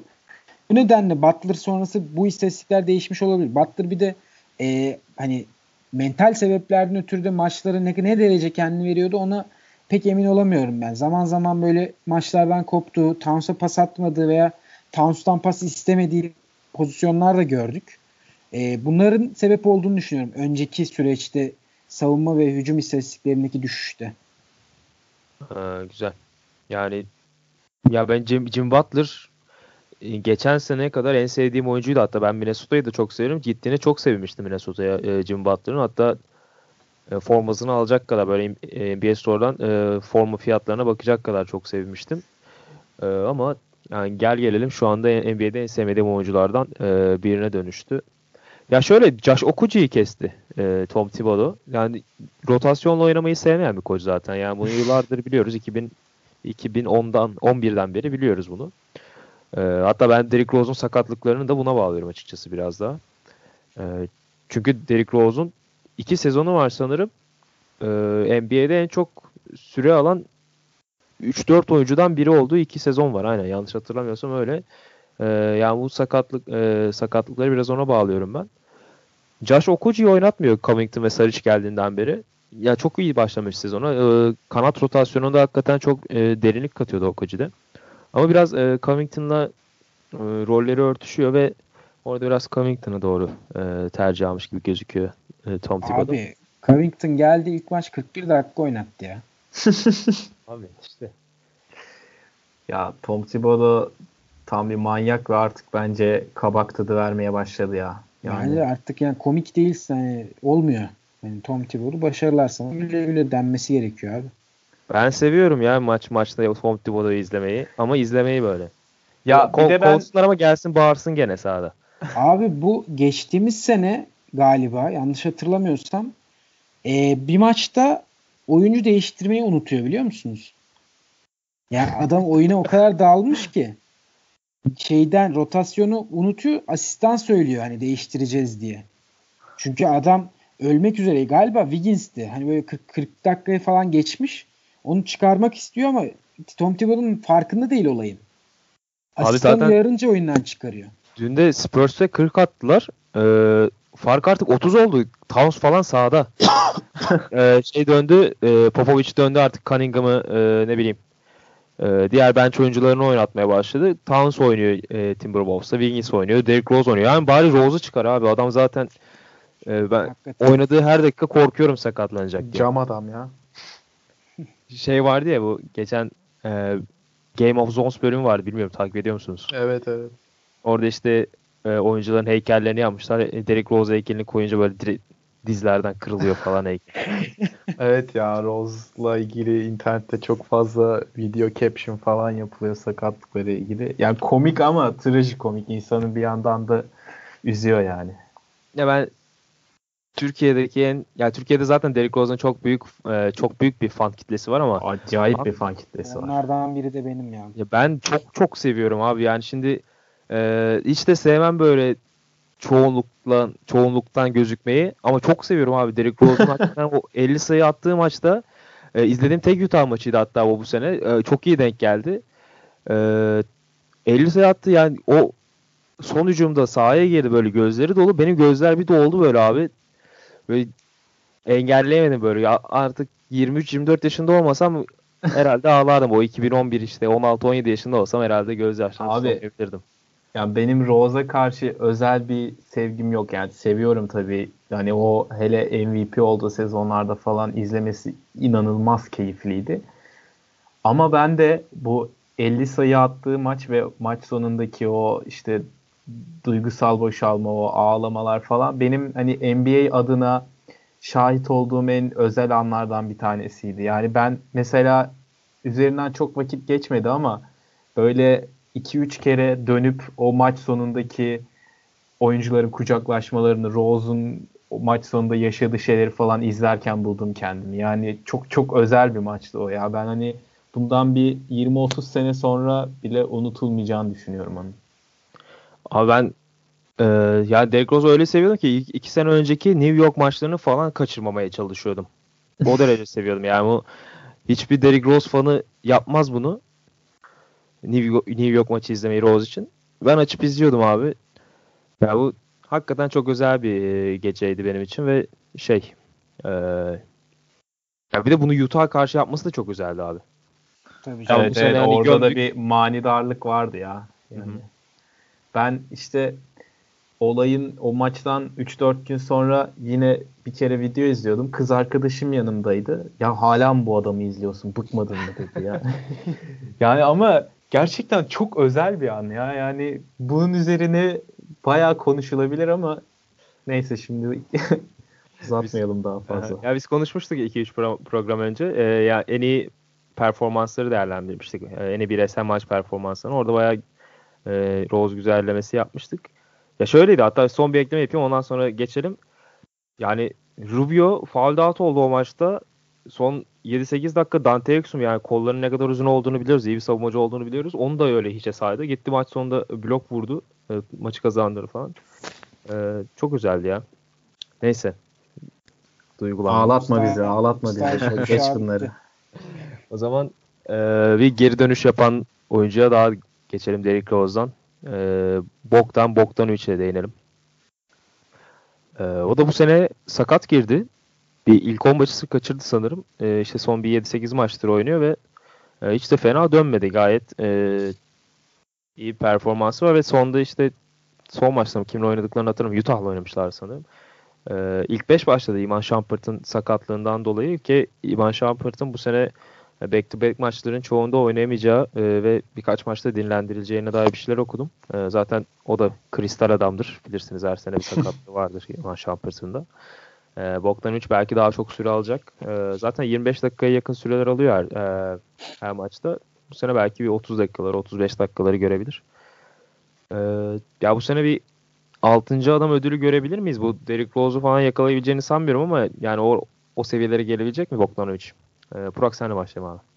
Abi e, galiba sakatlık dönüşü bir hani 25'e yakın dakika süre alacaktı. E, zamanla galiba bir iki haftada bunu atlattı ve şimdi 30'a yakın süre alıyor. Bunda tabii Shumpert'ın sakatlığının da çok büyük etkisi var. E, Bogdanovic'in en önemli özelliği zaten şeyde Sacramento'daki Fox'tan, diğerin Fox'tan kalan top dağıtma görevleri ve skoru üstlenme görevlerini skoru e, yapma görevlerini üstlenmesiydi. Bunları zaten geçtiğim sene yapabileceğini göstermişti. Bu sene sakatlık nedeniyle biraz geç girdi ama sezona yine e, son 8 maçta bak yanlış hatırlıyorum 7 maçta son 7 maçta yine çift taneyi buldu Bogdanovic. İlk maçında ee, çok kötü oynamıştı sanırım. İlk çıktığı maçta böyle bayağı yüzde evet. almıştı.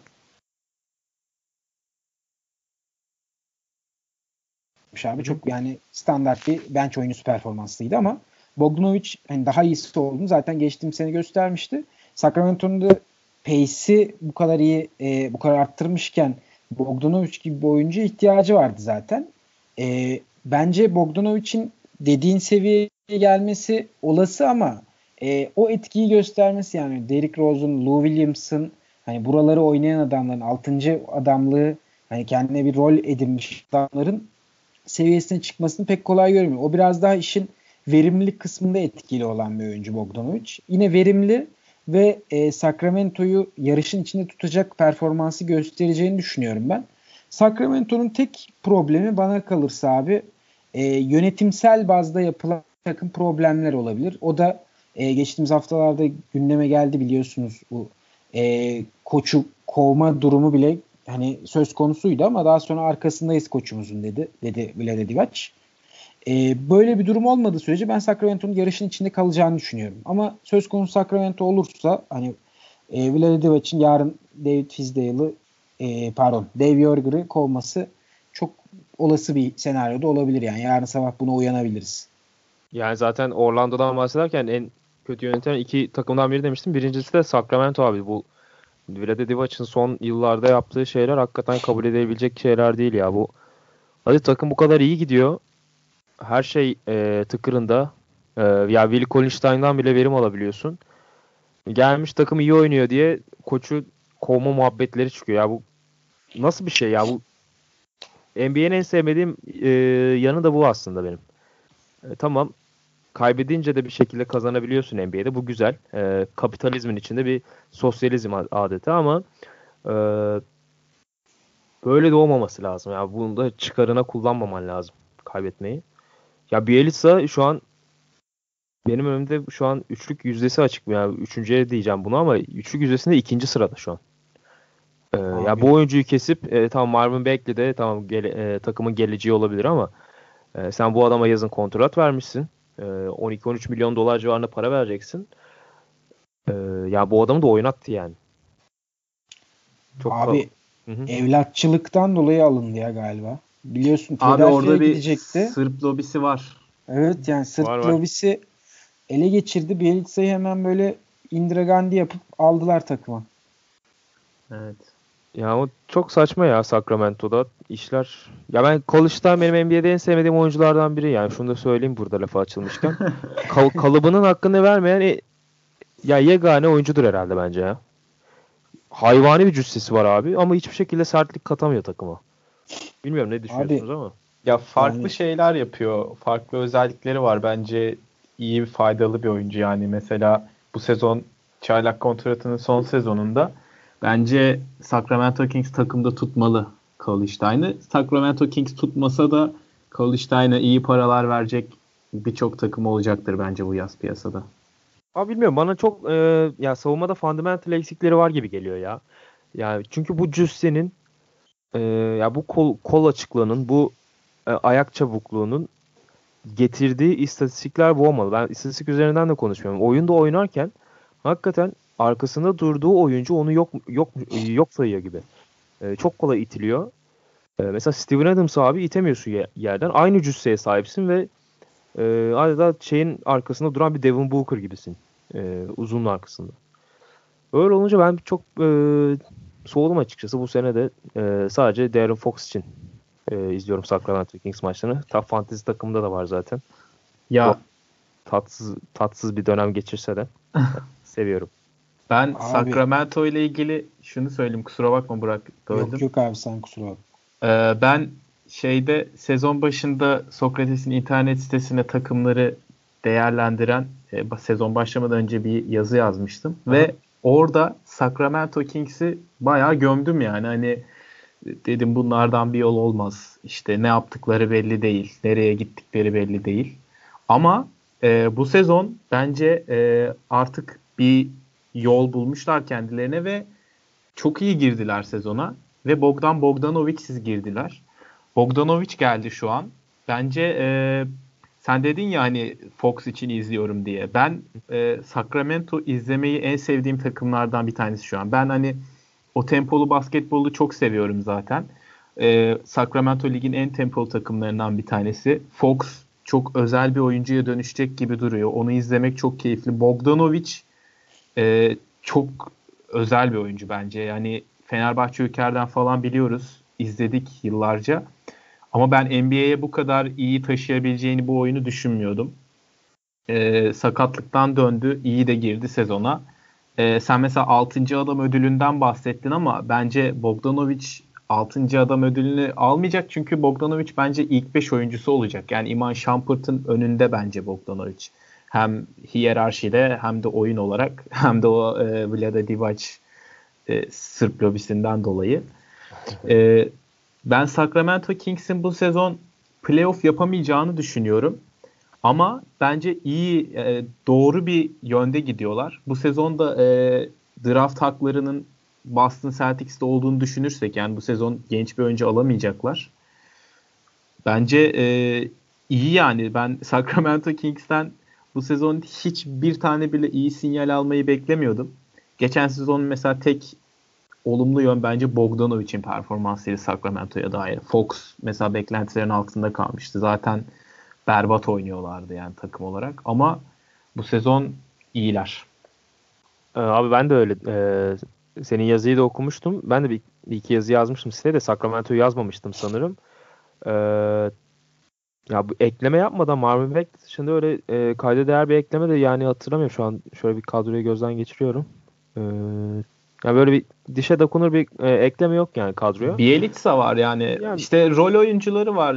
Yogi Ferrell geldi ama Yogi Ferrell 10 yani maçtır falan oynamıyor yanılmıyorsam. Aha. Yani bir ekleme yok dediğin gibi. Ve bu oyuncuların hani bu çekirdek oyuncuların neredeyse hepsi çaylak kontratında şu an. Aynen yani. öyle. Ya bir de be, ka, e, drafttan seçtikleri Marvin Bagley'nin de ben ilk senesinde öyle çok büyük patlama yapacağını e, beklemiyordum. Ki yapamadı da öyle çok fazla bir e, etki koymuyor sahaya. E, ne kadar potansiyelli olsa da. Yani Sacramento'nun ligin son sondan ikinci, üçüncü bitireceğini düşünüyorum. Yani draft lotterisinde de e, ilk iki üçe gireceğini ve onu da oradan Boston'a yine bir belki hediye e, hediye yine e, çıkacağını düşünüyorum. Beni şu ana kadar yanılttılar. E, buna da e, en büyük pay e, Diarren Fox'la Bielitsa'ya ait şu ana kadar. Evet. Bogdanovic de onlara üçüncü bir alternatif olacak. Ya Ivan Shumpert hakkında da şöyle yani ilk 5 için İman, İman Shumpert bence daha uygun bir parça. Ee, sahayı daha hızlı kat etmesi ve daha iyi savunmacı olmasıyla birlikte. Ee, ama ona da çok fazla güvenemiyorsunuz tabii. Yani istikrarsızlığın kitabını yazdı o da e, yıllarca. Abi ee, geçen bir maç oynadı. İlk yarı 23 sayı, ikinci yarı 0 sayı. Ya işte öyle bir oyuncu abi. Yani evet. Ya şunu da söyleyeyim bak istikrarsızlık dedim aklımda şey canlandı direkt. Jeff Green canlandı ve oradan Orlando Magic'e gittim. Orlando Jeff Green'e çok saçma e, kontrat vermişti. Hani yani saydı, saydık ya saçma sapan yaptığı işleri. Oradan da Jeff Green'e imzalattırdıkları kontratı hatırlatalım. Ya Bogdanovic de şöyle bir artı e, sağladı. Clutch bir oyuncu Bogdanovic. Avrupa'dan da biliyoruz. Geçen seneden de e, maç sonlarında birkaç tane evet, e, evet. iyi anı imza attı. Yani şu ana kadar şöyle kadroya baktığımızda Sacramento'nun elinde böyle son toplarda veya e, maç sıkıştığında e, set ucuna oturduğunda topu öyle emanet edebileceğiniz kendi şutunu yaratan çok fazla oyuncu yok e, Diarren Fox dışında ve o da e, tempoyu seven bir oyuncu ve maç sonlarında çok da tempo yapamıyorsunuz. E, o konuda da biraz e, takımı artık kazandırıyor yani Bogdanovic. Abi bence Buddy Hield'ı da unutmayalım. Ben Aa, de evet, bir, efsane bir sor, e, sezon geçiriyor yalnız. Evet, bugün evet. bir istatistik gördüm. Onu paylaşayım ama biraz şey bir istatistik bu. Buddy Hield kırmak üzereyken tanımlanan rekorlar şeklinde bir istatistik. Geçen sene ne vardı ya şey bu e, Ted, Thaddeus Young'ın var abi. 13 ee, sayı, 5 rebound. Bir steal falan böyle değişik bir şey. %50 üzeri FG bir şeydi. Jordan, Bird, Magic, bir Karim de Ted var. Young. Bir de Karim. yani böyle bir ekip. Bu da e, neyse ki burada hani öyle bir efsane grup yok da bu istatistikte de 5'ten e, fazla üçlük deneyip %43'ten fazla yani %43'ten isabet bulacakmış ve 18'den de fazla sayı atacakmış. NBA tarihinde bunu yapan e, oyuncu yok ilk 3 sezonunda. 11 oyuncu da yani sadece bir sezonda yapabilmiş. Evet, Curry geldi aklıma. Clay geldi. Abi. Kimler var o listede biliyor musun? Abi o 11 oyuncu listesi şu an önümde değil. Onu birazdan söyleyeyim. Tamam, ee, ben... Bir de şeyi söyleyeceğim. Ha pardon. Şu an önümde abi. Ee, Nash var. Curry var iki tane. iki sezonuyla. Ee, Rip Hamilton. Ee, başka Wally Zerbiak var abi. Zerbiak. Glenn, Glenn Rice, Detlef Schrempf var. Ee, Kiki Van de Wege var. Dana Barris ve Dana Barris kim onu bilmiyorum. Bir de Dale Ellis var abi. abi Detlef Schrempf de dedin e, ligi, lige gelmiş en iyi 6. adamlardan biridir ya. Ya, evet. Çok severdim ben Seattle'ı. 32 ee, yaşında yapmış bu verilen verdiğim istatistiği. Helal olsun. Öyle deyip e, Boston... Bir istatistik Aha. daha vereceğim abi pardon. E, sen dedin Willi Cauley-Stein'ı e, hiç sevmiyorum diye. Hı. Ben de hemen bir araştırmaya girdim. Şöyle komik bir bilgi öğrendim abi. Willi Cauley-Stein blok yapmadığı maç sayısı blok yaptığı maç sayısından fazla. abi diyorum ya kalıbının adamı değil ya. yani gerçekten kalıbının adam olmadığını göstergesi. Öyle şekiller böyle saçları yaptı Afrikalı e, dövmelerle donattı bütün vücudunu ama yani bu yaşta şey var Beşiktaş'ta Muhammed Demirci diye bir topçu vardı. İlk maçına çıktı böyle saçları Moikan tarzı yapmıştı. Ya sen bir maçını oyna abi. Böyle bir çık bir kendini ispatla ondan sonra saç maç yaparsın yani. Willy Cauley şey var ya bütün parayı esrara falan yatırıyormuş havası var yani. abi yapıyordur o. Takıma da buldu zaten keşler işte şampiyon koydu Neyse o zaman e, Sacramento'yu da kapatıp Boston'u unuttum ben. Notlarım arasında yazmamışım. Malı ee, Zach Randolph'tan alıyorlarmış. Abi zaten bir ara şey yapacağız ya. Ee, bu Portland'ın Jail Blazers dönemi var ya. Oo, onlara özel bir bölüm yapalım. Çok acayip hikayeler var orada. Abi ben olmak isterim. Anıl da bu konuda çok ilgiliydi bu arada. Onu da söyleyelim yani. İkimizin de ilgi alanı. Portland Jail Blazers. Portland'da olan var mı bu arada? Benim NBA'de 3 tane desteklediğim takım var. Şu an söyleyeyim. Ee, Brooklyn, Portland ve Minnesota'yı destekliyorum. Sizin öyle e, bir tuttuğunuz takım var mı? Abi benim Abi, NBA'de tuttuğum takım yok da uf yani küçüklükten kalma bir Steve Nash hayranlığım var. O dönemden bir gelen Phoenix Suns sevgim var. Onun dışında da şu an D'Angelo Russell'ı izlemeyi sevdiğim için Brooklyn maçlarını başka bir gözle izliyorum. Öyle yani NBA'de desteklediğim bir takım yok ama işte Phoenix Suns ve Brooklyn'i başka bir gözle izlediğim söylenebilir. Ya ben de aslında Chicago'luyumdur küçüklükten beri. E, ama işte son yıllardaki durumumuzu biliyorsunuz o yüzden saymadım yani. Benim Phoenix Hasan'ın da bahsettiği gibiydi. Hani neşli dönemden kalma bir sevgi var. Zaten Büyük ihtimalle evet. NBA ile tanışmamız da o döneme denk geliyor. Aynen bizim jenerasyonun muhtemelen ee, şeyi o. Şu an güncel olarak yani öyle sempati duyduğum takımlar var ama hani öyle taraftarlık veya Ya benim de öyle zaten NBA'de değil hani. olay Lebron M- LeBron'un olduğu takımı seviyorum bir. Bu son Hı-hı. 4 senedir falan o da. Ee, ondan önce pek sevmezdim ama LeBron'un bu yaptıkları beni bayağı etkiledi açıkçası son 4-5 yılda. Onun dışında yani Spurs'un hani o güzel oyunu oynadığı zamanlar 2014. Aklımda, 2014. Onun dışında yani çoğu takıma şeyim hani sıcağım öyle sevdiğim sevmediğim diye ayırmıyorum genelde. Ya onu da şeyden sordum. Ee, yani NBA'de takım tutulmaz zaten. Ben de onu söyledim ama e, sempati besledim bu son dönemlerde diye söyleyeyim. Çünkü oyuncu üzerinden döndüğü için sistem. E, franchise var abi ya tutanlar, tutanlar çok var yani. Abi o Lakers tayfayı Boston tayfayı geçeceksin ya işte. Onlar tinerci tayfa biraz. şimdi tepki almayalım buradan ama öyleler yani. Yapacak bir şey yok.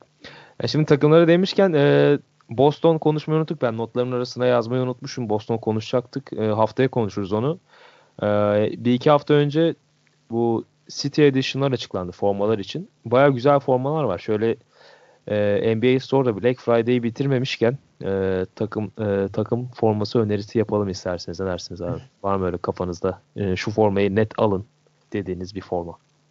Ee, abi benim zaten formalara karşı özel bilgim var. Yani sadece basketbol değil, bütün futbol, ya spordaki formalara karşı bir özel bilgim var. Yani güzel forma gördüğüm zaman e, iyi hissediyorum. E, evet. İleride de ekonomik imkanım olursa böyle ufak bir forma koleksiyonu yapmayı isterim. Yani şu an pek mümkün gözükmüyor ama e, o mesela o yüzden bu City Edition formalar benim gerçekten e, son dönemde gördüğüm en iyi işlerden biri NBA'ye dair. Mesela geçen sezon e, Nike'la ilk sezonuydu NBA'nin anlaşmasının yanılmıyorsam. Hı hı.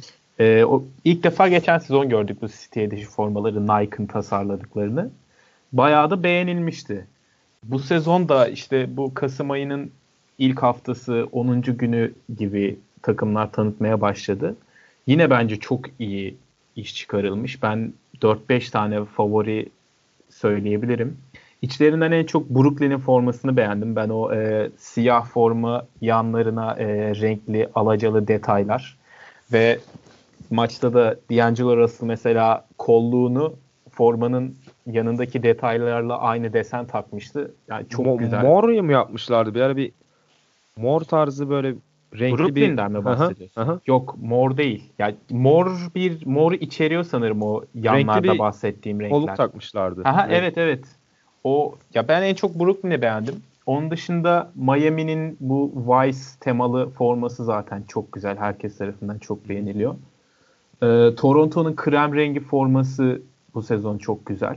Ee, onun dışında Denver'ın beyaz forma üzerine gökkuşağı desenli forması çok güzel.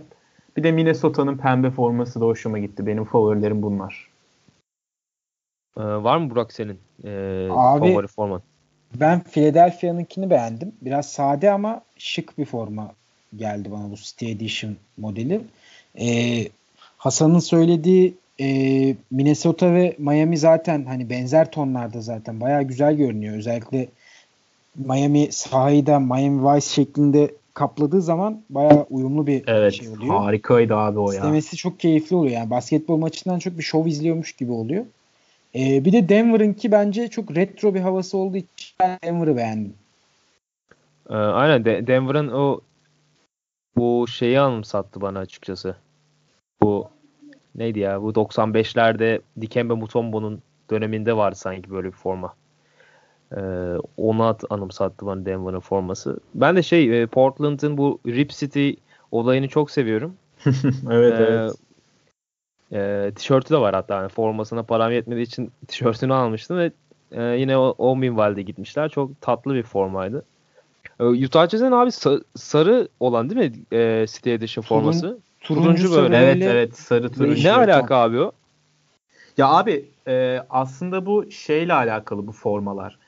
City Edition zaten şehir temalı formalar. Şehirlerin mesela e, öne çıkan özelliklerini, değerlerini formadaki tasarıma yansıtmaya çalışıyor. Örneğin Burak söyledi ya Sixers'ın formasını çok beğendi. Mesela Sixers'ın forması Rocky Balboa filmindeki o ha, oradan esinlenilerek yapılmış bir forma. Çünkü Philadelphia'da geçiyor yani o film. Hı hı. Ee, işte şey Miami City'nin Vice forması aynı şekilde. Yani ama Utah Jazz'ın e, sarıyla alakası ne onu pek bilmiyorum. Şey yani o konuda mi? bir bilgim yok yani şimdi yanlış Çok bir şey de söylemeyelim. böyle çok fazla mormon var, beyazlar var. Hani ona o yüzden sarı. Sanmıyorum abi NBA yönetiminin öyle bir şey izin vereceğini ya. Yani Phoenix'e de şey yapılabilirmiş aslında ya böyle güneş güneş böyle çöl. Pompe- e, mor bir şey yapmışlar böyle. Çok beğenmedim Phoenix'inkini. Ee, ya benim de şeyi önerisi verebilirim. Artık San Antonio Spurs'e kamuflaj forması yapmayın artık lütfen. Aynen Yeter. ya. Yani Hava kuvvetleri gibi yeter. geziyorlar yani. Bıktık abi tamam bir askeri üs kurmuşsunuz yani yeter. Abi zaten şeyi de hani e, en iyileri söyledik. En kötüleri de söylemeden geçmeyelim. San Antonio dedin. çok berbat. San Antonio berbat ve Dallas abi. Yani yapmasaymışsınız kardeşim zahmet olmuş ya. Yani Zaten ben şu an şey Dri- Dringer'dayım abi. Şey listelemişler. 30'da Dallas var. Öyle mi? Ya, aklın yolu bir abi. Çok kötü çünkü ya. Spurs da 29'muş bak aynen bak. Abi şey kaç? Cleveland kaç? Cleveland da bayağı kötü ya. Bakıyorum abi. O Cleveland'ı renklememişler galiba arattım ama. O, o derece beğenmemişler herhalde. Bilmiyorum. Ya abi hani normal ya örtüşmesi yani çok kötü gerçekten şey formalar. Ama bu forma muhabbeti açılmışken ben bu Phoenix'in, e, Phoenix diyorum. Charlotte'ın e, bu siyah Buzz City. City formasına hayran kaldım ya. Bildiğin yani utanmasam alacağım ama Charlotte forması almaya utanıyorum açıkçası. Çok güzel olmuş. Evet ya şey olarak tasarım olarak yani çok çok güzel formalar var şu bir iki sezonluk City Edition formalar içinde harika formalar var.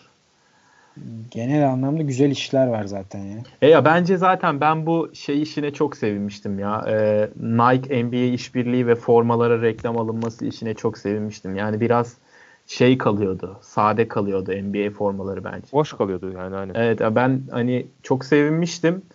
Ee, çok da iyi devam ediyorlar bence. Aynen öyle abi. Güzel formalar çıktı. Umarız seneye de e, güzel güzel. Yani reklam reklamlar da aslında çok güzel durdu şey e, rek, e, formaların üstünde. Evet evet. Özellikle Nike Nike amblemi e, bir estetik şey kattı yani formalara. Bakalım. E, var mı ekleyeceğiniz? Şöyle Boston'u konuşmayı unuttuk. Ben notların arasına yazmayı unutmuşum. E, haftaya konuşalım artık. Söylemiş miydim onu? Evet abi onu söyledim. Evet. Haftaya konuşalım.